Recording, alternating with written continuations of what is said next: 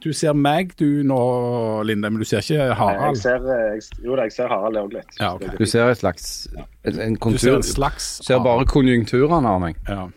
Jeg ser bare konjunkturene. Hadde solen rødt i trynet, vet du. Jeg så bare konjunkturene av de.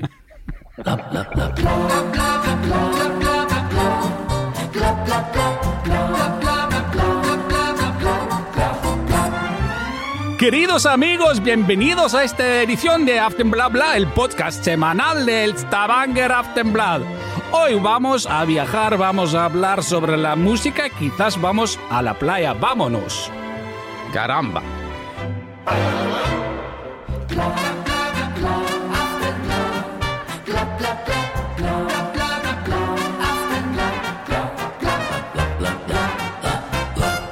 Hjertelig velkommen til Aftenbladet. Er du enig i alt det vi skal snakke om, som jeg akkurat nå sa? Kommentator Arild Birkevold. Jeg er enig. Det, dette blir bra. El señor Lindø? Eh, si. Si. Leif Tore Lindø. Vanligvis sitter du her og drar i spakene, for å si det sånn, eh, og styrer lyd. Og styrer på med forskjellige ting. Eh, nå sitter du ikke her i Stavanger. Hvor sitter du? Nei, altså jeg reiser jo der eh, Herren sender meg, eh, som Herrens sendebud. Og eh, akkurat nå vil han ha meg til, ned til Syden.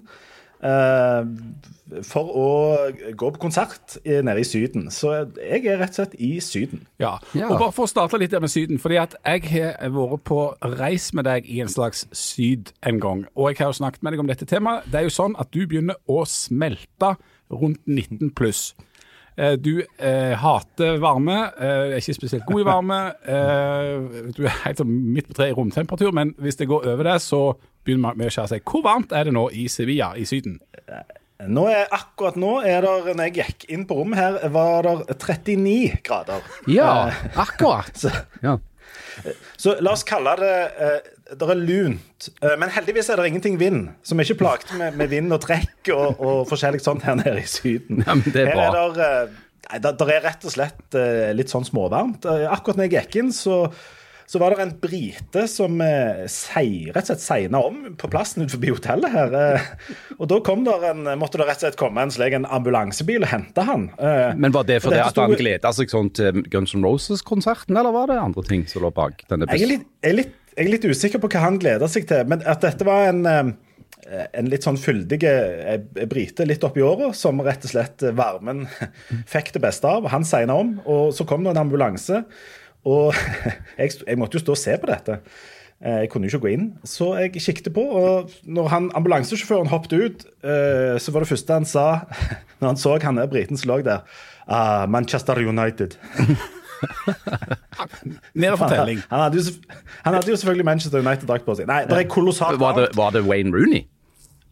Nei, det, det kan ha vært han, men det kan òg ha vært en annen. Men Ja. det er kolossalt varmt, og i, jeg er altså i Sevilla i Spania, som viser seg å være ikke en by, men en slags jerngryte.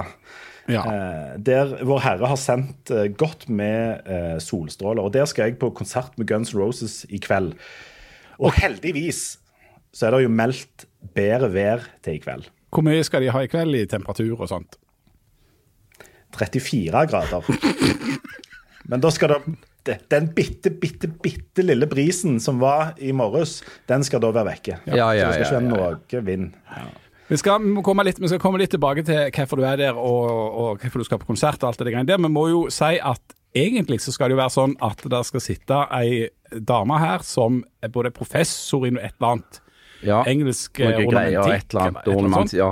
Ja, et eller annet. Og så jo og kirketjener òg. 17. mai-taler. pleier å jogge mye rundt, Griner. Tidsoptimist. Tidsoptimist. Og akkurat dette med tidsoptimisme, det har hun altså da slått ut i dag. Ja, hun har blitt innhenta av sin egen tidsoptimisme. Ja. Og gudene vet nøyaktig hvor hun er nå. Eh, hun er sannsynligvis på reis på reis en eller annen plass. Eh, retter sikkert noen stiloppgaver i engelsk, ornamentikk eller et eller annet sånt som dette her. Og har rett og slett ikke klart å, å stille opp på det viktigste hun gjør i løpet av uka, nemlig å være med oss og snakke litt sløvt om. Nei, det, forskjellige ting. det Det- er stoff til ettertanke, det. Ja. Eh, Det viser hva vi prioriterer og ikke prioriterer. Ja. Og det, dette må vi selvsagt ta kritikk for og på, og, og vi skal refse den så hardt vi var klare etter hvert. Men, men øh, så dere får rett og slett klare dere med et litt sånn øh, testosterontungt og litt svett mannlig panel i dag. Um, men egentlig, altså, mens vi er på vei inn mot dette konsertgreiene, så må vi jo egentlig gå innom deg òg, Harald Birkevold. For du Ja. er jo, det er jo på en måte et under at du er her nå. Men hvor var det du var i helga? Jeg var i Berlin. Ja, og, og, og nå er det jo sånn at vi bor liksom i et område der knapt finnes et kulturarrangement eller en konsert, eh, for du var der for å gå på konsert. Ja, jeg var jeg. eh, Og det var en riktig eh, hyggelig opplevelse, vil jeg si. Var det han Rikard Kleidermann? Det var ikke Kleidermann denne gangen. Dette var Fyrelis? den- den-. Denne gangen så var det eh, fem, eh, seks eldre herrer fra Berlin som har et orkester som heter Ramsten. Ramsten, ja. Ja.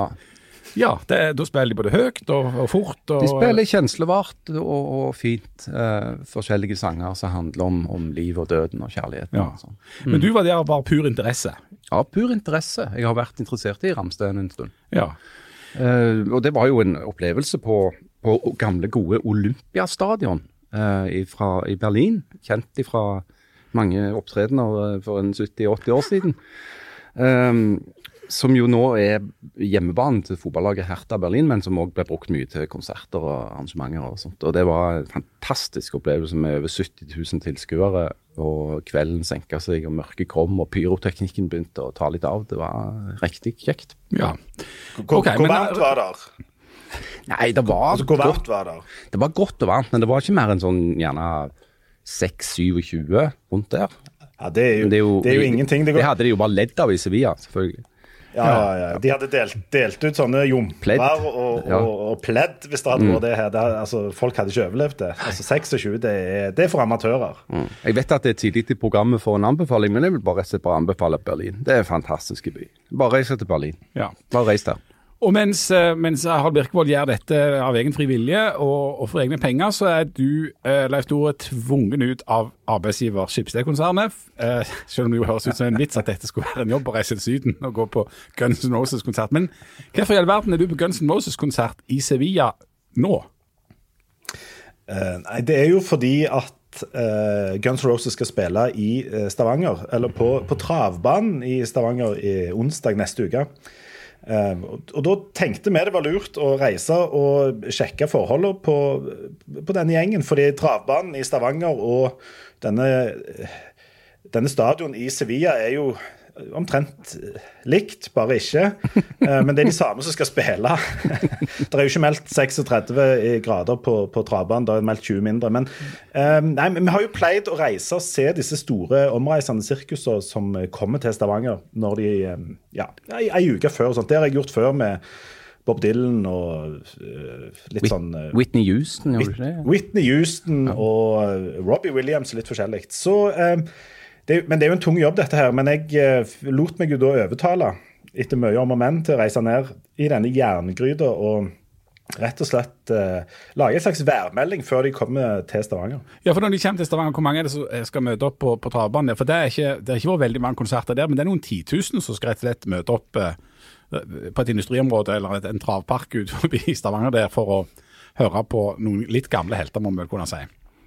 Ja, det, kommer vel en er 35 000-40 000 til travbanen. De har jo hatt en konsert før det med Justin Bieber, og da er jo den naturlige oppfølgingen Guns Roses, altså de som kunne vært da oldeforeldrene til, til Justin Bieber. Um, så de, de, det er jo liksom vårt, eh, vårt område for å ha konserter eh, som er for store for, eh, for et stadion, da, som Guns Roses er. Altså 25 for de er en intimkonsert. Det som jeg skal på i kveld, der tror jeg det skal være 80. Jeg var, jeg var på Justin Bieber på travbanen, kan jeg opplyse om. Det var et minne for livet. Unnskyld? Det var vel et minne for livet. Ja, det er iallfall noen timer jeg aldri får igjen, for å si det sånn. Uh, Regnet øste jo ned. Eh, det var et kontinuerlig skybrudd, og det var kaldt. Og det blåste litt òg. Det er jo ikke kaldt eller ja, Her nede er det jo ikke meldt regn i hele tatt, har jeg inntrykk av. Nei, jeg tror ikke de skal mest- ha mer regn i år der. Nei, jeg tror det har meldt opplett, i hvert fall til i kveld. Jeg har ikke med noe regnjakke eller noe, jeg, så jeg, jeg satser bare hardt på at det er opplett. Men hva, men hva er spenningsmomentet med, med Guns N' Roses nå? Er det om de klarer å stå oppreist? Eh, Om de klarer å gjennomføre dette her? Altså, Sånn som han eh, Axel Rose der, han ligner jo mer og mer på Jan Eggum. Uh, og, eh, og, og det, altså Ikke noe stygt sagt sagt om Jan Eggum, da, men, men det de, det er jo litt ulike sjangre når det gjelder sånn kondisjon i å springe rundt og holde på og i det hele tatt ta på takten. Ja, altså det som, er, det som alltid er interessant med disse eh, rockebandene som nå begynner å bli skikkelig gamle altså Axel Rose er jo passert 60. Um, og du, det er noe, du er ikke gammel selv om du passerer 60 nødvendigvis, men de skal jo spille eh, den samme musikken som gjorde at de var hot shit for 40 år siden, eller 30 år siden. Um, og Spenningsmomentet med disse gamle traverne er jo alltid om de er om de er blitt en sånn parodi på seg sjøl, altså om de er blitt et slags coverband av eldre menn som spiller sin ungdomsmusikk, eller om de fremdeles på en måte er seg sjøl. Um, og der er jo disse gamle veldig sånn forskjellige. Uh, Harald var jo på Rammstein. Er jo, de er jo ikke 17, de heller, men de spiller jo en type musikk som kanskje ikke krever så mye eh, på en måte energi og pust og alt dette her. Um, Ja, det, så spenningen ligger Ja, det er jo litt, Ramstein de, de lener seg jo veldig tungt på eh, sånn teatralske greier. Sant? Det er jo som en slags teaterforestilling. Og det er jo med tunge mengder eh, pyro og lys- og lydeffekter og sånt. Eh, Men det er klart, jeg tror samtlige i det bandet er enten i eller være svært nær å kunne søke om AFP. Ja. Men det går jo forbausende greit, altså. Det gjør det. Men så vi, vi er jo skikkelig kommet inn i konsertsesongen her da, i, i området. Nå er, det, nå er det altså da eh, Nå til helga som skal komme, så skal altså da Mods eh, ha to konserter på Vikingstadion, som sikkert ikke heter Vikingstadion. Jeg trodde de hadde slutta. Ja, men de har slutta gang på gang på gang, og så, har de, så kommer de tilbake og har uh, utsolgte konserter. Det, det vil si, den ene er ikke utsolgt denne gangen, men, men det er noen titusen som skal gå og kjøre, uh, høre Mods enda en gang. Blant annet uh, Leif Tor Linde. De begynner også å bli voksne opp til flere av de. Ja, ja.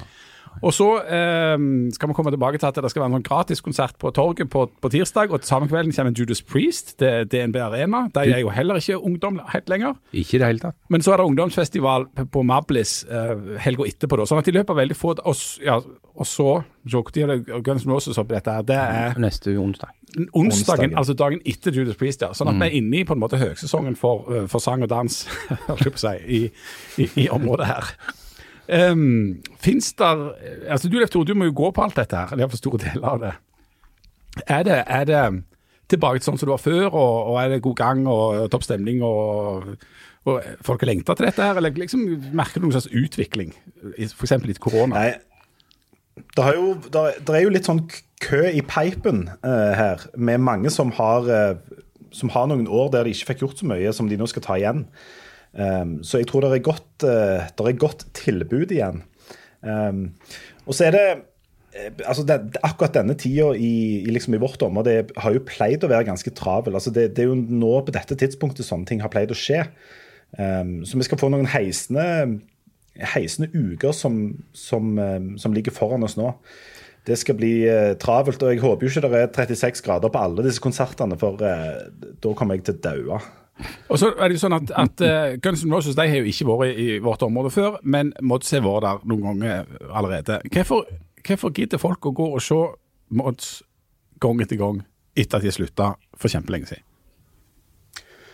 Jo, det er jo fordi at vi innerst inne vil se noe vi vet vi liker, og noe som setter oss i en eller annen sånn stemning som vi vet. Altså, um, det er en del som er veldig sånn musikalsk offensivt anlagt, som alltid vil se noe nytt. Det er gjerne sånn syndrom som eh, vi musikkanmeldere for eksempel, kan bli litt sånn bitt av.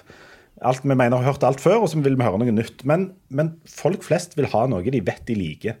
Noe som er trygt og godt, og noe som eh, som setter de i en eller annen sånn sinnsstemning. Altså mye av dette handler jo om nostalgi.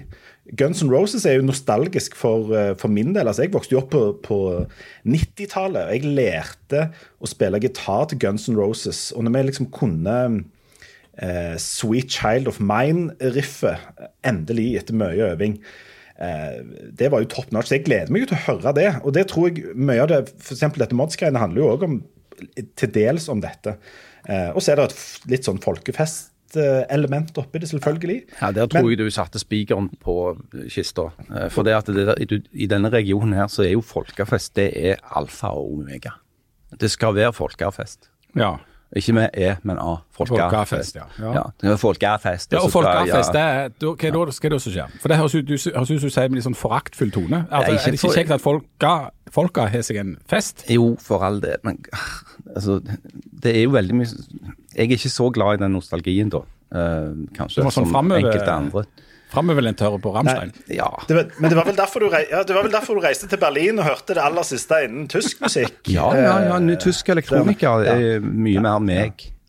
Det hadde ingenting med nostalgi å gjøre, det, og det var ikke mye folk. Og det var ikke en slags festlig anledning det du var på. regner jeg 76 000 som var helt med. Oi, var det, var det folk Ja. på fest? Ja, og det var folkefest. Det var det. De hadde varmt, hvor varmt var det? Vi men snakket jo om varmt det. Det var ikke så varmt som i. Sevilla, men det er greit det. Men altså, det er klart det er folkefest. Det, det er jo akkurat det samme. Det er bare at de som reiser på Ramstein i Berlin, syns de er litt kulere enn de som drar fra Trabanen for å høre på. Der fikk vi så- endelig når, det gjelder, når, det gjelder Guns N' Roses, så er det jo òg sånn at eh, det er jo òg en folkefest. Men, men der kan det, det kan òg trykke på noen sånne knapper for sånn gamle rockere, der de fremdeles syns at det er kult. Altså, det er, ikke, det er ikke så veldig mange som går på mods og syns at eh, ja, dette holder i altså, Dette er like godt som det den gang var. og sånt. Der er det mer av det der han, det der festelementet, tror jeg. Men Guns Roses, det er mange som kommer til å gå på det på ramme alvor og mener at det er verdens aller beste band fremdeles. Eh, Litt sånn som Rammstein. Ja, så De er jo gode til, hvis de er gode spillere. Jeg tenker Hvis det er bra, så er det bra. Ja. Ja. Men, men du, nå ble det nesten så god stemning at jeg må si noe litt surt. Uh, bare for å skille meg litt ut, for en gangs skyld. For det er sånn at eh, i neste uke så eh, i tillegg til alle disse konsertene som du må betale for, så har faktisk Equinor invitert hele regionens befolkning på gratiskonsert på torget. Folka, er det folkefest? Det tror jeg blir folkefest. Em, da skal altså en hel gjeng med, med artister komme og spille. De, de i Equinor de takker nemlig eh, Stavanger for at eh, den 14. juni så er det akkurat 50 år siden de etablerte seg her i Stavanger, som jo er på en måte heimbyen da, til, til Equinor, tidligere kjent som Statoil. Ai, ai, ai. Og så hadde de sånn idémøte, da. eh, og liksom tenkte ja, ja, hvem skal vi invitere på, på gratiskonsert på Folkefest eh, Det på, blir, på vel, torget? det blir vel en slags eh, hitparade av lokale og regionale artister som har satt Rogaland på kartet, hjembyen til Equinor. Ja, det skulle du kanskje tro, er- men, men det de kom på Det er jo på masse artister her som altså de, Det er jo hele haug med rogalendinger som kan være med på det der greiene, tenker jeg. Ja, Så, Massevis. så da, da inviterte de hun der Dagny til å fly inn fra Oslo. Så han Chris Holsten han skal fly inn fra Oslo. Og så Cezinando han skal fly inn fra Oslo. Og det skal Emma Steinbakken òg gjøre fra Oslo. Så skal de fly inn Vinni fra Oslo, Ramón fra Oslo, Stina Talling, hun tror jeg bor i Bergen. Og så har de konferansier, da. Ronny Brede Oslo. eh, Åse han flyr de da inn fra Oslo. Han kom fra Oslo, Han ja. han, kom fra Oslo, men de har, Ja. hun Isabella, og hun kan ta en sånn eh, sparkesykkel ned ifra, jeg vet ikke hvor hun bor, men, men hun er ganske tett på.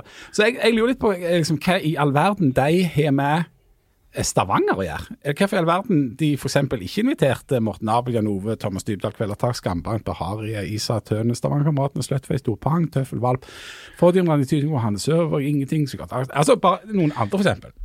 Jeg tenker vel kanskje at de inviterer de inn for å uttrykke sin, at de har anledning til å komme her til uh, hvor alle pengene de har uh, brukt på å drive med, med kultur og musikk og sånn, kommer fra. Bare Ja. for å se hvor, hvor eh, verdien blir skapt, liksom. Det kan jo være kjekt for de det, da. Og så kan vi bli kjempeglade for om vi får besøk helt fra selveste hovedstaden. Ja. For folk som ligger på høyt pass i sånne hitlister. Og så kan vi få se dem. Den andre tingen jeg lurte på, det var Nå når det er sånn at eh, kulturlivet sliter, rett og slett. Eh, De sleit voldsomt under koronaen. De var det første som ble stengt ned. De det, var det siste som ble åpna opp. Og når det har åpna opp, så viser det seg at publikum er ikke tilbake. Det er knallvanskelig å selge billetter nå. Masse, masse musikere som prøver å å ha konserter og legge opp all slags ting, og det er nesten umulig å få solgt billetter, umulig å få dette til å gå i pluss. Er det da den lure måten Equinor bruker sine millioner på å arrangere en konkurrent til alt det som koster noe å gå på konsert med, og ha en gratis konsert på torget? Er det, hva er det som bidrag til kulturlivet i heimbyen Stavanger? Leif Tore? Nei, dette her er Nei, dette er ikke et bidrag til verken til Stavanger eller til kulturlivet i Stavanger. Dette er en egotripp fra Equinor, der de skal gjøre seg populære hos noen som er fra konfirmasjon eh, pluss minus fem år. Eh, hvis, hvis Equinor hadde ment noe slags alvor om at de ville gi noe til, til Stavanger, eller ha noe som liksom hørte til her, så hadde de ikke gjort dette. Eh, dette, er, dette er utelukkende for at Equinor skal på en måte smøre sitt eget navn. Um, og de, altså, de kan forsvare dette her med altså, Du kan se det ifra altså, publikum. Der kommer helt sikkert til å komme publikum og synes dette er, er kjekt og flott og sånt. Og eh, hvis du gir folk noe gratis, så vil de komme. Men um, hvis Equinor f.eks. vil eh, ta dette med samfunnsansvar på alvor, hvis de vil ha et snev av det så burde de jo ha brukt disse pengene helt annerledes. Jeg vet ikke hva det koster å ha den konserten der, men si, at det koster to-tre millioner, da. Eh, altså De betaler jo ikke disse, eh, disse Oslo-folka i knapper og glansbilder og sånn klippekort på eh, Odeon kino. De bruker masse penger på det. De pengene, de pengene de, kunne de brukt på artister fra Stavanger-området. De kunne brukt det på festivaler i dette området. De kunne brukt det til, om så var å sponse billetter til alt dette. Og så sier at, de hadde, at Equinor hadde tatt til ved og brukt én million kroner i året på å sponse Mablis-festivalen, og at disse folka kunne spilt der.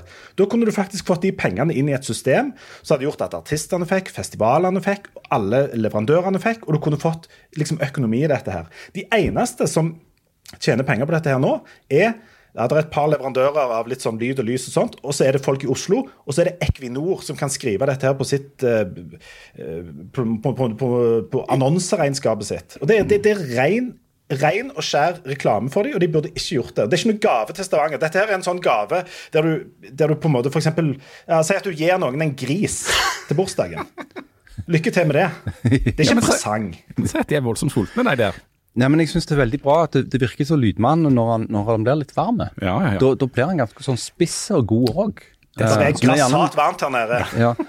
Jeg tror kanskje vi skulle hatt han litt i Syden innimellom. Vi burde hatt han hadde han på sånn oppvarming i lading, for det viser seg at. Lydmann, han er egentlig en sånn for øgle. At han er en sånn vekselvarme som, som blir lagt i sola, så, så hisser han seg voldsomt opp mens han kommer til å Veldig jeg- Ja.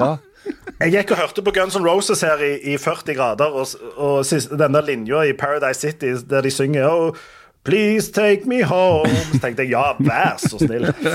Få meg vekk. Er- Men the grass er vel green og the girls are pretty i, i eh, Sevilla, er det ikke sånn? Eller Nei, er ja, gresset det- helt det- svidd det er av? Det er stort sett eh, britiske damer og, og ugras her nede. Så, Men du, vi skal, vi, skal. Vi skal ta en liten pause, og når vi kommer tilbake igjen, så skal vi snakke om hvorvidt det går an å komme seg til alle disse tingene som skjer rundt omkring både i Syden og i andre slags eh, varme land. Eh, Og så skal vi ha litt refs, og så skal vi ha ei liste, og så skal vi ha tre kjedelige minutter med noe viktig. Ho, ho, ho. Det er bare å begynne å grue seg.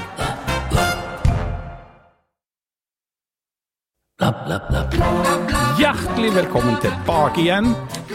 Um, med, jeg tror vi skal starte med å refse litt, grann, og at det kanskje kan være en slags oppsang mot eh, disse tre minutter. Vi har, der, der strømmer jo på med e-post til bladblad.aftenblad.no. Der må dere bare fortsette å sende. Der kommer det både søtt og surt og salt og sånt. Mange ting som Janne Ting Drangsholt er glad for at du slipper å høre på, sikkert. Eh, det første eh, jeg tenkte å ta opp etter sist sending, og det lurer jeg på om stammer fra en video som ble lagt ut på Instagram-kontoen vår, eller om det er en lyd jeg er usikker på. Men det er en som heter Trond som lurer på hvorfor Harald sitter og tygger tyggi under sending. Har han dårlig ånde, eller er han bare nervøs? Men du tygger jo ikke tyggi. Jeg tygger aldri tyggi. Nei. Jeg Men, liker ikke tyggi. men sitter du og tygger på gommene dine? Det kan være jeg- at jeg har noen sånne tics. Ja, det kan, det Eh, kan og i så fall så vil jeg ha meg frabedt kritikk, for det er bodyshaming. Det bodyshaminga. Så, så, um, så er det ei som heter Elin, uh, som tydeligvis er mer greia på ting enn det Harald Birkevold har, og som en følgefeil har. Men eh, jeg vil bare understreke at det det er ikke gjort feil der, det er kun Harald Birkevold sin feil. Uh, hun hørte forrige runde uh, der um, Harald holdt et langt, uh, kanskje for, for langt foredrag om dette, denne oljeskattepakken. Og så må vi bare påpeke da at han faktisk var helt på jordet der, for det, han skulle forklare lytterne hva oljeskattepakken var, men da sauste han det sammen med en helt annen ordning, som på norsk sokkel heter leterefusjonsordningen. Altså det er to forskjellige ordninger. det er to sider av samme sak. Det, ja vel, ok. Og, så- og, og, og dette førte til at jeg, at jeg hadde en rant etterpå som baserte seg på det Harald hadde sagt, som synes var feil. Jeg skal utfordre Elin til duell. Ok, da, det er greit. Ja, det er bra. Da, um, da har vi egentlig fått, uh, fått klarlagt det. Ehm, og så skal vi, skal vi gå rett på de tre minutter før vi snakker om, om dette med reisning. Ja, nei, det er du som bestemmer det. Ja, altså, ja. Jeg vet jo ikke. Jeg synes vi skal ha et lite avbrekk med, med tre minutter. Og nå får vi jo en himla utfordring her. for hvordan vi skal klare å lage jingle eh, fra både Sevilla og, og, og, Norge på en gang. Um, Dere kan i grunnen bare nynne litt av den britiske nasjonalsangen. Ja, kanskje det, ja. Mm. Og der får ju jubileum òg der, ja.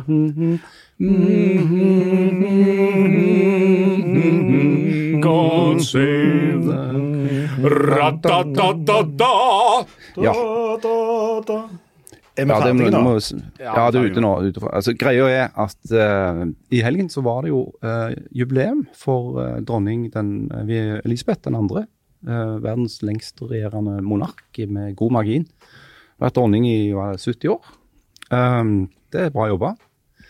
Uh, og, Boris Johnson, da, statsminister i England, hadde tenkt han skulle benytte denne anledningen til å sole seg i glansen av dette det rojale jubileet, ikke sant, og gå rundt og være litt sånn eh, statsmannsaktig. Men så ble det en litt annerledes helg da for Boris, fordi at han fikk rett og slett et mistillitsforslag mot seg. Og det var ikke sånn, den vanlige typen mistillitsforslag der liksom det er opposisjonen, f.eks. Labour, har sagt at det, Boris er en dust og må gå av. Nei, nei, nei. Dette var hans egne, hans egne folk. Uh, og det, det, er veldig, altså det britiske parlamentet er jo et rart sted. Det har veldig mange rare regler. Blant annet så har de da en regel om at hvis du skal utfordre eh, en sittende leder, så må minst 15% av parlamentarikerne fra ditt parti de må ha liksom levert et brev til en fyr i et kontor. Uh, og det kontoret de, de kaller seg da for 1922-komiteen uh, fordi de ble etablert i 1923. det er veldig britisk. Og Grunnen til det som dere kanskje kan gjette, er at disse ble valgt inn i juni 2022. Da, i 1922. Men uansett, denne grupperingen, 1922-komiteen, det består av folk som vanligvis ingen vet hvem er. Um, Margaret Thatcher kalte de berømt uh, sitat for 'the men in the grey suits' når hun ble utsatt for et sånn et uh, kupp um, i slutten av sin uh, karriere da, som statsminister. Men i alle fall, disse 22-komiteen det er det de i Storbritannia kaller for backbenchere. Det er de som er valgt inn i parlamentet, men de har ikke noe spesielt fore der, det annet enn å være folkevalgt. De, de, er ikke, liksom, de ikke, sitter ikke i noen viktige komiteer, de er ikke talpersoner for noen ting. De har ikke fått seg jobb i regjeringsapparatet, ingenting sånn. Så de er sånn menige. Men når det er snakk om mistillit, da blir de plutselig de viktigste i landet, og særlig han som leder den komiteen, for han tar imot brevene. Og nå var det avstemming, da. Um, og det var altså 148 av uh, de konservative uh, parlamentsmedlemmene som stemte for å hive Boris Johnson som Hvor mange er de? Nei, Da må du legge 211 til 148. og Da får du jo 369. Så 211, uh, de andre da, de stemte for å beholde onkel Boris som statsminister. Så han vant jo i gåseøynene den avstemningen.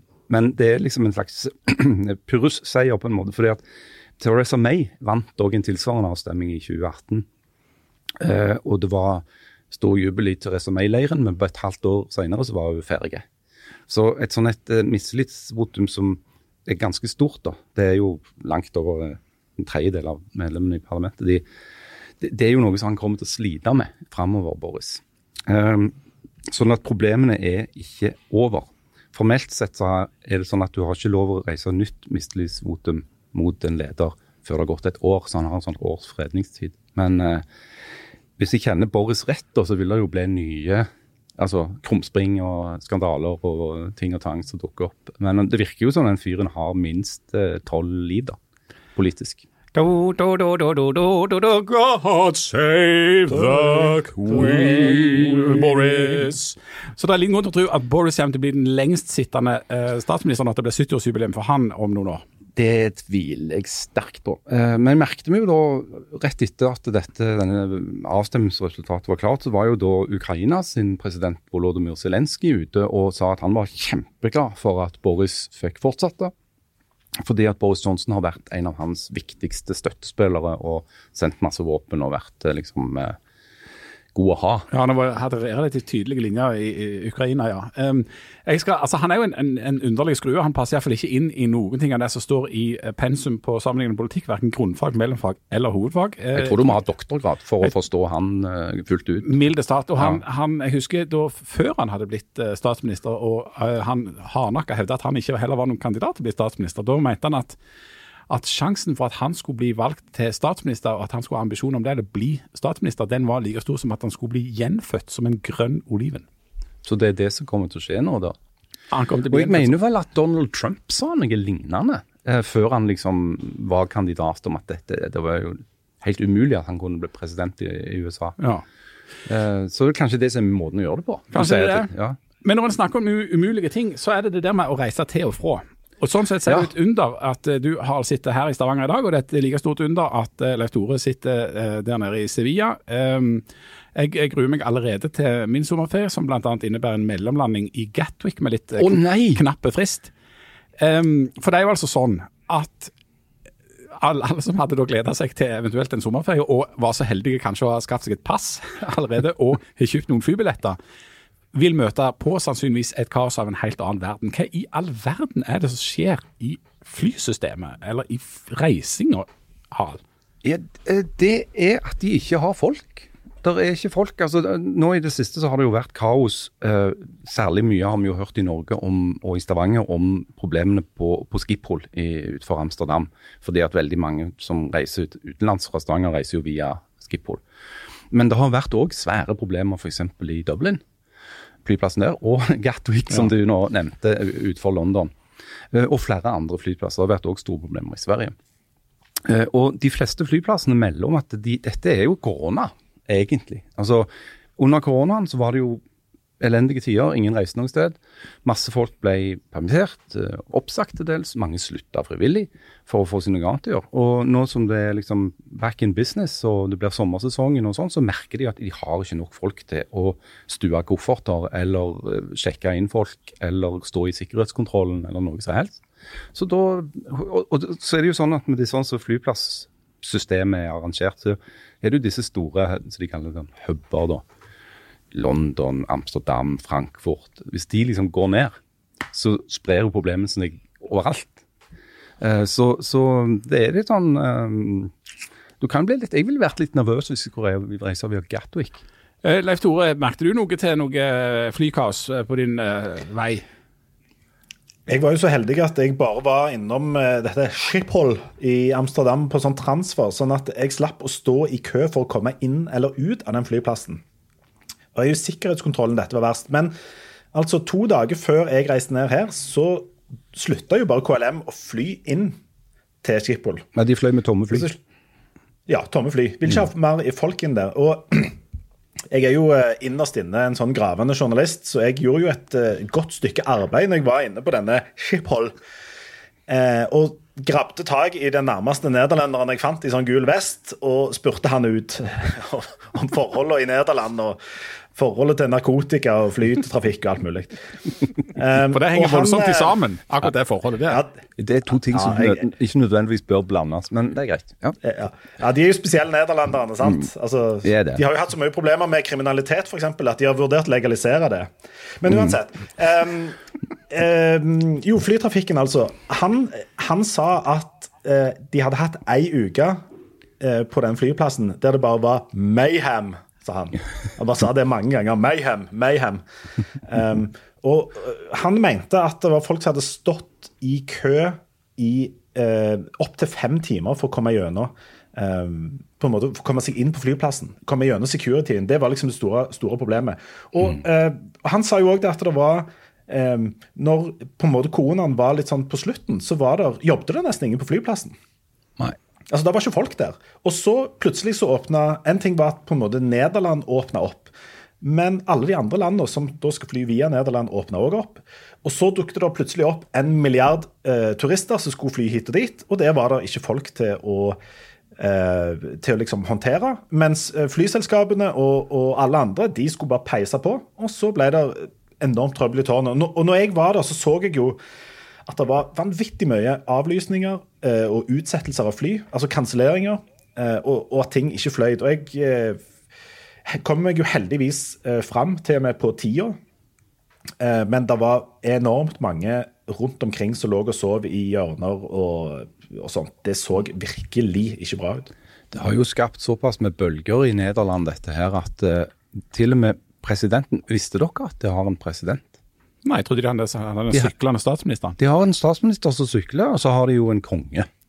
Ja, så det. Men de, de holder seg visstnok med en president, og jeg vet ikke hva han gjør. Nei. Men når han hadde vært så hissig nå at han hadde gått ut og sagt at dette måtte de bare fikse. ja, men, ja, men, det, ja, det, det er jo sterke ord. Ja, det- Ifra, sant? Det er voldsomt sterke ord, men, Ja. men, klarer de å fikse det? For det, jeg tror det er flere med meg eh, som er noe spent på hvor lenge dette varer. For nå driver jo alle som forstår seg på dette og sier at ja, nei, dette kan ta lang tid, men hva betyr lang tid? Eh. For eksempel 27. juli, var det da? Jeg, har ikke peiling. Eh, men jeg antar at det handler om å eh, tilby såpass attraktive arbeidsbetingelser, f.eks. at folk gidder å jobbe der. Det kan jo ha noe med det å gjøre at mange av de som har slutta å jobbe på flyplassen, har fått seg jobber som de liker bedre. Kommer ikke tilbake igjen. Ja, for det er jo et, rett og slett et problem, tror jeg vi må kunne si. Det gjelder jo vel flere jobber sånn i USA og sånt, i den amerikanske økonomien òg, der det var mange som mista jobben. Altså, nå, er, nå er jo problemet både her og der altså mangel på arbeidskraft. Altså, En trenger folk eh, til å jobbe med både ditt og datt, eh, og så er det ikke nok folk. Eh, og Noe av grunnen til at det er vanskelig å rekruttere de til en hel del jobber, er jo at de er dårlig betalt. De er ikke spesielt attraktive. Det er ikke sikkert det er så himla attraktivt å stå i sikkerhetskontrollen på Schiphol eller kan- lempe kofferter. Det det Mot litt virker iallfall ikke spesielt kjekt å stå i den der sikkerhetskontrollen. Det er jo ingen som liker deg når du står der, hvis du er opptatt av det, da. Ja. Eh, eh, Du, Linda, jeg, jeg, nei, jeg, jeg har et spørsmål til, som, som jeg tenkte eh, Harald kunne få lov å forklare, sånn at vi kan få flere sånne sinte e-poster om at han tar feil. Men, Jeg tar jo eh, aldri feil. Nå er det, her. men nå er det jo sånn at uh, vi leser stadig at det er for få arbeidsledige i veldig mange land. Altså Vi har for liten arbeidsledighet, som jo er, høres fælt, fælt ut. Men er, vi har jo stilt oss sånn i verden at vi er avhengige av en viss porsjon arbeidsledige for at ting skal flyte rundt. Altså Vi er avhengige av at noen har det eh, vondt og ikke har jobb, for at vi andre skal ha det godt. Eh, og og dette, dette med flytrafikken og sånt er vel en del av det bildet der, er det ikke det, Harald? Jo, altså det er Økonomer de snakker om sånne ting som elastitet og sånn flotte uttrykk. Altså, det, men det greia er at hvis det må være et visst antall folk som, på, som leter etter en jobb, for å kunne fylle de jobbene relativt fort, hvis det er full, hvis det er full sysselsetting, så fører det jo til at det er vanskelig, sier jo nesten seg selv, å, å, få tak i noen ansatte. Og så vil det jo òg, pga. det der med tilbud og etterspørsel, og de føre til at lønningene går i været, da. Og full sysselsetting betyr ikke at det er 100 eh, arbeids, altså sysselsetting. Det betyr at det er sånn, jeg tror det er en plass mellom 2 og 3% som en regner som full sysselsetting. Og så tror jeg det heter elastisitet, ikke Ja, ja, ja, sånn elastisitet. Men, men, eh, men for at eh, et eh, arbeidsliv skal være noenlunde sånn dynamisk For det, det vil alltid være noen som er in between jobs. Det er alltid noen som søker seg videre eller er på vei en eller annen plass. Og det er det som blir 2,5-3 mm. som er altså i praksis 100 eh, eh, sysselsetting. Men, men, hva skal, men hva gjør en da? Altså Når det da ikke er nok folk, og det er en hel del tjenester som må utføres. Det, det virker som en helt sånn umulig, umulig situasjon, da. Altså Det som har vært svaret på det i Europa, og òg i Norge, har jo vært å importere den arbeidskraften du mangler. Eh, til Norge har det jo blitt importert store mengder håndverkere, f.eks. fra Øst-Europa. Eh, og folk som jobber som renholdere, folk som jobber i landbruksnæringen, som jobber på fiskerimottak osv. De er jo i stor grad eh, ikke født i Norge. Eh, og det har det jo òg blitt endringer på i forbindelse med koronaen, at folk flytter mindre på seg enn de gjorde før. Det er restriksjoner på dette. Og òg har folk har, har, har kanskje etablert seg på ny et annet sted. Eh, og så har de unger som ikke nødvendigvis eh, har lyst til å flytte noe sted. ikke sant, og ektefeller. Sånn at uh, disse tingene kan fort gå seg litt fast. Uh, I tillegg har det jo en del land òg vært mer restriktive med å ta imot innvandrere. Både arbeidsinnvandrere og flyktninger og asylsøkere. da. Så jeg, jeg kan jo ikke se noe annet enn at det er vanskelig å se at dette regnestykket skal gå opp i Europa uten at det blir mer eh, innvandring. Ja. Får håpe de klarer å løse det innen 27. juli. Da står jeg der i en enorm kø. Du, det, det, er jo det er jo et annet problem når det gjelder denne reisinga, og det er jo at folk eh, mangler pass. Eh, som i Norge er blitt en sånn en eh, Vi kommer oss ikke på ferieproblematikk. Eh, og, kan virke litt sånn sydete. Buhu, jeg kommer meg ikke til, til Syden. Jeg vil jo ikke anbefale Syden, for det er grassat varmt her nede. Jeg vet ikke om jeg nevnte det, men det er altså kolossalt varmt. Men, men det er jo mange som ikke kommer seg rundt omkring. Men rett og slett fordi vi mangler pass, som er jo òg en sånn global utfordring. Det har ikke bare med kapasiteten i Norge å gjøre, men det har med produksjonen av disse passene og sånt å gjøre. Men eh, er ikke dette med å ikke ha pass egentlig ganske alvorlig for en del folk som ikke har andre sånne papirer å identifisere seg med? Altså, ikke den der passkrisen egentlig ganske alvorlige? Hvis vi ser vekk fra sånn Syden. Det er varmt i Syden, jeg vil ikke at noen skal reise til Syden, så har jeg nevnt det òg. Men er ikke det ganske alvorlig, egentlig? Jo, klart det er alvorlig for de som har et, har et voldsomt akutt behov for et pass, som du sier. Eh, jeg vet ikke hvor mange det angår, eh, men noen er det nok. Eh, og det virker jo veldig rart at det skal være en slags global mangel på det Var det det papiret de lager pass av? Var det ikke det? Et eller. Eh, men da skulle du jo tro at det hadde gått an å si at hei, lager et annet papir da?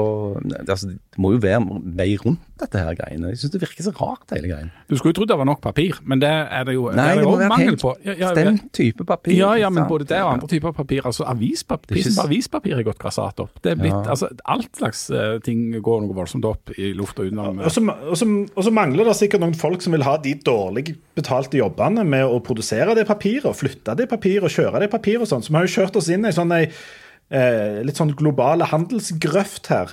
Som jo må gi ganske mye næring til sånne antiglobalister som mener at eh, Norge bør altså Hvis vi skal være et skikkelig land, så må vi produsere sånn passpapir sjøl. Vi bør gro det kanskje inn i Dirdal, f.eks., og, så- og så sette de sammen på Fitjar og så få, få gang på det sjøl. Jo, Det må jo, altså, det må jo være en god tid for altså, sånne. Noe, gode argumenter, Leif Tore. Veldig bra. Vi Tusen kan- takk. Tusen men takk. altså, det er veldig varmt Det er veldig varmt her nede, så jeg, jeg ja. Ja, men er en ting. En ting. I, hvis du sier at du f.eks. er i Sevilla nå i en kokende varme jeg er jo i Sevilla i sånn togangsvarme. Jeg trenger ikke Ja, Si at du er det. Da har jo du reist ned inn forbi det som heter Schengen. sant? Altså, Jeg trodde jo i min uendelige kunnskapsløyse at eh, vi var nå med i et slags passfritt fellesskap med disse her EU-landene, som gjorde at vi ikke trengte pass når vi skulle til Syden. Du kan komme deg der, altså du kan jo i prinsippet reise passfritt i Europa, men du må ha et nasjonalt ID-kort. altså Det er bare noen få typer identifikasjon som er lov. Lindøy, hva er du her? Nei, jeg eh, reiste jo passfritt eh, helt fram til jeg eh, kom ned til hotell Don Juan Dress, eller et eller annet greier. Dress er varmt her, jeg husker ikke hva hotellet er. Et, et, et eller annet sånt. Og der måtte jeg vise pass. For å sjekke inn, og jeg liksom? sjek, ja, og jeg sjekket dette på forhånd. Liksom, treng, trenger jeg pass? Fordi at de, de skanna passet av en eller annen grunn. Og så sa de ja, du, du, får ikke, du får ikke rommet ditt uten at du har med deg passet. Og det var litt sånn eh, jaha. Men altså, før jeg kom dertil, så viste jeg jo ikke pass noen Så du får, lov å reise, skulle- du får lov å reise til Syden, men du får ikke lov å bo i Syden uten pass. jeg får, jeg, får, jeg får ikke lov å ligge over. får ikke dusje uten pass. Du kan sjekke inn i forskjellige Nei. land, men du kan ikke sjekke inn på hotellet uten pass. Det høres jo helt merkelig ut. Men dette er jo verre hvis du har, eh, hvis du har familie i, i Etiopia, eller at du driver noe handel med, med Sudanistan eller nedover der, eller skal til USA eller et eller annet. Da er du jo Da må du ha pass. eh, Det er klart du Ja, må til sånne u-land. De skulle jo hatt et sånt system der de som virkelig hadde bruk for pass, fikk lov til å få det før de som bare skulle til Sevilla, f.eks. Ja, Jan, for eksempel. Du skal vel eh, ut til et av disse u-landene. Å, jeg skal til USA. Åh, Hvor mye er gleder du deg til det? Det er jo noen som er koronatester som ikke kan være lenger enn eh, en sånn et kvarter gamle for at du skal slippe inn. Stemmer det, stemmer det. Så, um, Og det er jo helt, det er jo helt, u, og det er jo helt ukomplisert å reise til USA eh, før. Og de der køene som vi har eh, sett på sånne flyplasser i Europa, det er jo en snill normal i USA. Altså, jeg, jeg, har vært i USA et par ganger. Den ene gangen så gikk jeg litt feil, sånn at det, der havna en jumbojet fra Midtøsten foran oss i den der sjekkekøen. Og for å si det sånn, De var skeptiske til å ha besøk av mye sånne Midtøsten-folk der, så de skulle sjekkes grundig med alle papirer og i alle kroppsåpninger etter sprengstoff. Eh, og vi ble stående og stange bak denne jumbojeten. Og til slutt var det noen vakter der som så eh, at vi sto og svetta bak halve eh, Kuwait og, og, og Irak der. Så rett og slett åpna jeg og Luka, bare drog oss forbi. Så jeg kan bare glede deg til det, Jan. Åh, jeg, jeg kjenner jeg begynner å bli svett, og jeg føler det er 39 grader her allerede, faktisk. Ja, det begynner å bli varmt her òg nå. Men du skal ikke fly om Gardermoen på vei hjem? Nei, jeg skal eh, fly om Schiphol. Og så skal jeg, eh, skal jeg etterpå. Forresten, når det, når det gjelder det med varme, jeg vet ikke om jeg nevnte det, men det er jo ganske varmt der nede. Men eh, han eh, knekten som, eh, som stadig må gi meg nytt sånn et, eh, sånn et kodekort eller sånn kort til døra for å komme inn, for det virker aldri. Så han sier jeg må ikke legge det til, med telefonen, så legger jeg det med telefonen, så må jeg få nytt. Men han har jeg fått god kontakt med nå. Han sier at i neste uke da er det meldt en 3-44 grader her nede. Oh, ja! Så da mener han da kommer det til å bli godt og varmt. Ja, så du kom i den kjølige perioden. Jeg kom i den kjølige perioden. Han mente dette her var ingenting. Men uh, han om det. Altså, det er, Men du skal vel ned igjen i neste uke, skal du ikke det? For å høre på Sven Ingvars uh, før de kommer til Stavanger? Jo, altså eh, Jeg tror det er jo han eh, Jeg tror Bobby Socks også skal ha en konsert i, nede i Cadiz.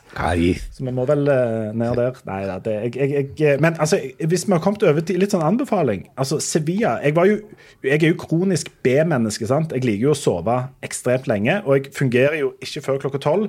Og jeg fungerer egentlig ganske dårlig etter tolv òg. Og Ja. litt greit om kvelden. Men, men når jeg så denne værmeldingen, så tenkte jeg jeg må jo se litt av denne byen. Så jeg sto opp klokka sju, som er grytidlig i min bok. Og så sto jeg og, stengte stangte eh, for å få meg noe frokost, og så har jeg gått rundt og rusla. Og altså, Sevilla Ja. Fantastisk by. Det er flott. Jeg har vært inne på, jeg har vært inne på noe som heter eh, Ja, hva heter det nå? Los Eh, Estados Unidos de los cuartos de los toros. ja. La espectáculo spectacular. Jeg har vært på noe som heter Al- Alcazar of eh, de Sevilla. Som en sånn gammel eh, ting som eh, Det var vel en er- maurer da som bodde de- der. Ja, det var akkurat det de gjorde. Og så tok jo de kristne over dette i all vennskapelighet, har jeg fått inntrykk av. Over et sånt svært palass der. Og det var et, en helt sinnssyk bygning eh, som jeg var ute og, og kikket på sånn i nidraget. Og så var jeg inne i katedralen i Sevilla, som òg er på sånn Unesco-lista. Og der skal etter sigende altså De påstår at Christoffer Columbus er gravlagt der inne. Så jeg satte meg fore å komme meg inn til denne grava til Christoffer Columbus for å sjekke om det var stemte. Og så leste jeg meg litt opp på forhånd. Så gikk jeg inn i denne katedralen, og der sto det et sånn et reisefølge fra Jeg tror det var tyskere, eh, med en spansk guide. Eh, og jeg var jo ikke en del av disse, dette tyske reisefølget, men jeg, eh, var liksom, den guiden var liksom det nærmeste jeg kom noe kompetanse på området. Så jeg hang meg bare på de, og når hun sto og foredro om dette Columbus-greiene, så tenkte jeg her er det bare å rekke opp hånda. Så jeg smelte neven opp, og så sa jeg men du, er det ikke sånn at Og dette sa jeg på litt sånn engelsk, spansk, eh, tyskaktig. Jeg åpna med 'en skjuldegung', for det husket jeg. Og så sa jeg er det ikke sånn at Christoffer Columbus døde på Den dominikanske republikk? Og enten er gravlagt der eller i, i Grenada eller noe sånt? Da ble jeg jo ordentlig sure. Hun var overhodet ikke åpen for innspill. Og, og ville ikke ha noen slags debatt om hvor Christoffer Columbus lå gravlagt. Han lå gravlagt her, og ferdig med det. Og så Her fikk hun- jeg litt sånn Jeg liker henne, kjenner jeg. Her har du fått en uh, offisiell historie du skulle fortelle. og Da er det det som er den offisielle historien, ikke sånn krangling fra Hommersåk. Nemlig. Så jeg, jeg, måtte si for, jeg måtte si farvel til mine tyske venner der og bare akseptere at her lå Columbus, uansett hva jeg måtte mene om saken. Men fantastiske by Sevilla, bortsett fra at det er, det er nokså varmt der nede. Ja, Det er en fin plass å reise til på våren eller høsten. Ja. Og ganske god mat til de òg. Det Ja, der tapas. ja, de, de tapas-greiene. Ja. De har på, ja, det er ganske bra, det. Det, det er jo en hard jobb, dette her. Altså, og jeg tenkte på det i går når jeg satt ute på en sånn, en, eh, en sånn en bodega her. Da hadde jeg åtte fat med sånn tapas foran meg, og jeg hadde eh, 18 forskjellige glass med forskjellige drikkevarer av uh, ymse greier, og tenkte i morgen skal jeg på konsert. Og da var det jo 7-28 grader, så tenkte jeg at å være journalist er en hard jobb. De kan prøve, de som vil. Ja, de kan prøve de som vil. Det er så sant så det er sagt. Jeg lurer på om vi skal, vi skal nærme oss en slags uh, landing, uh, for Ja. å holde oss i, i flymetaforene. Men, men før det så har vi fått uh, tilsendt ei veldig fin liste. Eh, og jeg, jeg prøvde en gang å få til en, eh, en glidende overgang eh, til den lista. Det uh, mislykkes totalt. Fordi at ja, Leif Tore i, i Varme Syden begynte å snakke om noe helt annet. eh, og etterpå det jeg bare gitt opp, så vi bare går rett på egentlig på en annen måte, da. Um, men vi har nemlig fått uh, tilsendt ei veldig fin liste ifra ei som um, som er friend of the pod, tror jeg vi må kunne si. Altså Ruth Einar Vold Nilsen, eh, som, eh, som jobber veldig i vårt land, strengt tatt. Eh, Som da må bo borte i Oslo. Ja, Og det, og det er jo knallhardt. det kan ikke være lett. Det kan ikke være lett, og det er jo på en måte helt åpen om. Um, um, så det er altså ti ting som er drit med, med Østlandet, da. rett og slett. Men du, hun, hun er Ja. ikke fra Oslo, sant? Hun er ikke fra Nei. Oslo. Nei, nei, Nei, hun er et skikkelig menneske. Jeg tror hun er herfra. Ja, ja. Fra våre kanter. Ja, hun skriver at denne lista er skrevet i den desperasjonen og frustrasjonen jeg vet mange av oss diaspora-rogalendinger kan kjenne på, når vi av ulike grunner er nødt til å bo i syndens pøl, men elsker hjemme aller mest. Så Derfor så skal hun gi oss fra mange år på innsida ti ting som er drit med Østlandet generelt, og hovedstaden spesielt. Nummer ti. La oss begynne med at dette er plassen som avla landets største styggedom av en tradisjon, altså i hermetegn da tradisjon, russebussen. Det må vi innom, det er så sant som det er sagt. Det er så sant som det er sagt. Amen. Ni, Amen. at, fo ja, at folk skrøyter av strendene og de flotte bademulighetene. Er huk liksom ei strand? Er, er Oslofjorden liksom en fjord? Noen må ringe Unesco, eller hva det heter. Punkt åtte. Folk fra Oslo mangler både humor og bakkekontakt. Punkt sju. Amen. ut på ja, Halleluja! Halleluja. Å gå ut på byen i hermetegn igjen. Det er jo ingen plass. Byen den er jo spredt overalt. Helt riktig. Punkt seks. Motebildet. Helt riktig. Ja, Der er det mye. Ungdommen har midtskill, og du skjønner ikke helt om du ser en junkie, en vandrende Fretex-avdeling, eller om det er en grilldress fra Balenciaga til 18 700 kroner. Og her retter Leif Tore Linde opp hånda. Nei, det høres ut som den, det programmet som Equinor har satt i sammen til den konserten. Der, folk, må ta, folk må ta bilder og se om folk ser sånn ut når de er på Equinor-konsert. Ja, ja, ja. Punkt fem. Går ikke an å få tak i et skikkelig hodden. Og få det strødd og varmt er det bare å glemme. Bare å drømme om. Det finnes heller ikke grovbrød med sirup. Denne er lista av mangelen på delikatesse er en egen topp ti. Det er helt sant. Jeg det er jo tid der borte. Altså, grovbrød med sirup det har de ikke på Østlandet. Det er en helt- kulinarisk ørken. ja. Punkt fire. Ass. Ja, når de sier det, ass. Ass. Å, herlighet. Skyt meg Og, der, Ja. og det er det noen rogalendinger òg som begynner med. Eh, vet du hvem som sier ass? Nei. Erik Thorstvedt. Nei. Erik Thorstvedt i Jo, jo, jo. I sånne fotballsendinger så sier Erik Thorstvedt sånn Ja, det er en god spøler, ass. Åh. Kom hjem, Erik. Kom hjem, Han er jo en god mann, han. Han må slutte å si Du må komme hjem nå. ja, jeg er ikke sint, jeg, men jeg er veldig skuffa. Ja, ja, ja, ja. Punkt tre. Marka. Hva er det slags First Price-natur? Jeg kunne ikke vært mer enig. Jeg har vært i den der mar marka. Det er en gedigen nedtur. Det er bare en masse grantrær og noe rør. De setter opp masse på siden av hverandre, de grantrærne. De er kjempehøye, det skjer Ja. ingen verdens ting. Nei. Det er Og så har de, stilt på og så har de, av- altså, de har avmerka De har liksom satt av et eget område til natur. Altså, kom igjen! Nei, det blir så dumt. Ja, vet du hva. Det blir, det blir for dumt. Ja. Punkt to. Gardermoen. En vond ting kan ikke nevnes mange nok ganger. Og punkt én og dette jeg skulle ønske, jeg lurer på om de hører på sånn litt. Ja, sannsynligvis ikke det. Men iallfall punkt én at Aftenpodden er vår lokale Aftenbladblad. Hva gjør du meg? Nei, det er, det er jo så godt sagt at det er vanskelig å Ja. tilføye noe Og, der. nei, Hun tilføyer faktisk en liten ting, da. når du sier det. I en parentes så står det Og etter dette lurer dere sikkert på hvorfor vi gidder. Svaret på det er været.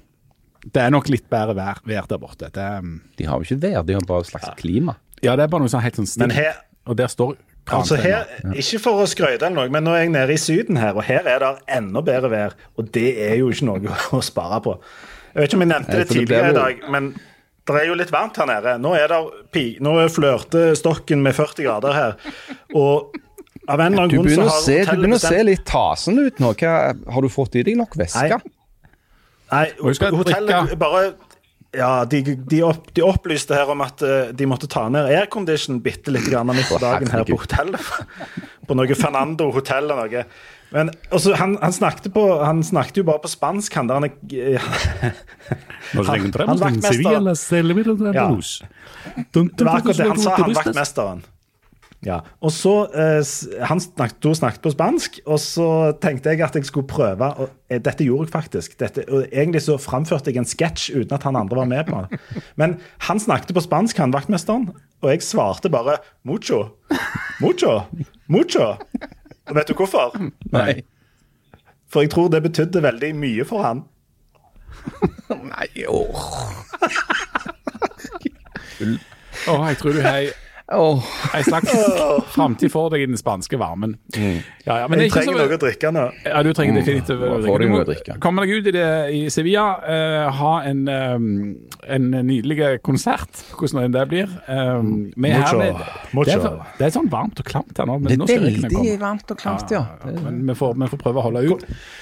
Og så, så håper vi at eh, neste uke blir liksom der oppmøte her, rett og slett. Uh, at professoren har fått rett seg stilen. Bare beklager at vi ikke hadde noe engelsk lyrikk i dag. Eh, at uh, flyene går sånn cirka for Leif Tore.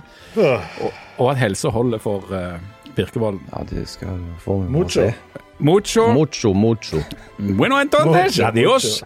Y queridos amigos, a la próxima semana. Si Ferreras de la Guns Ha det. Mucho.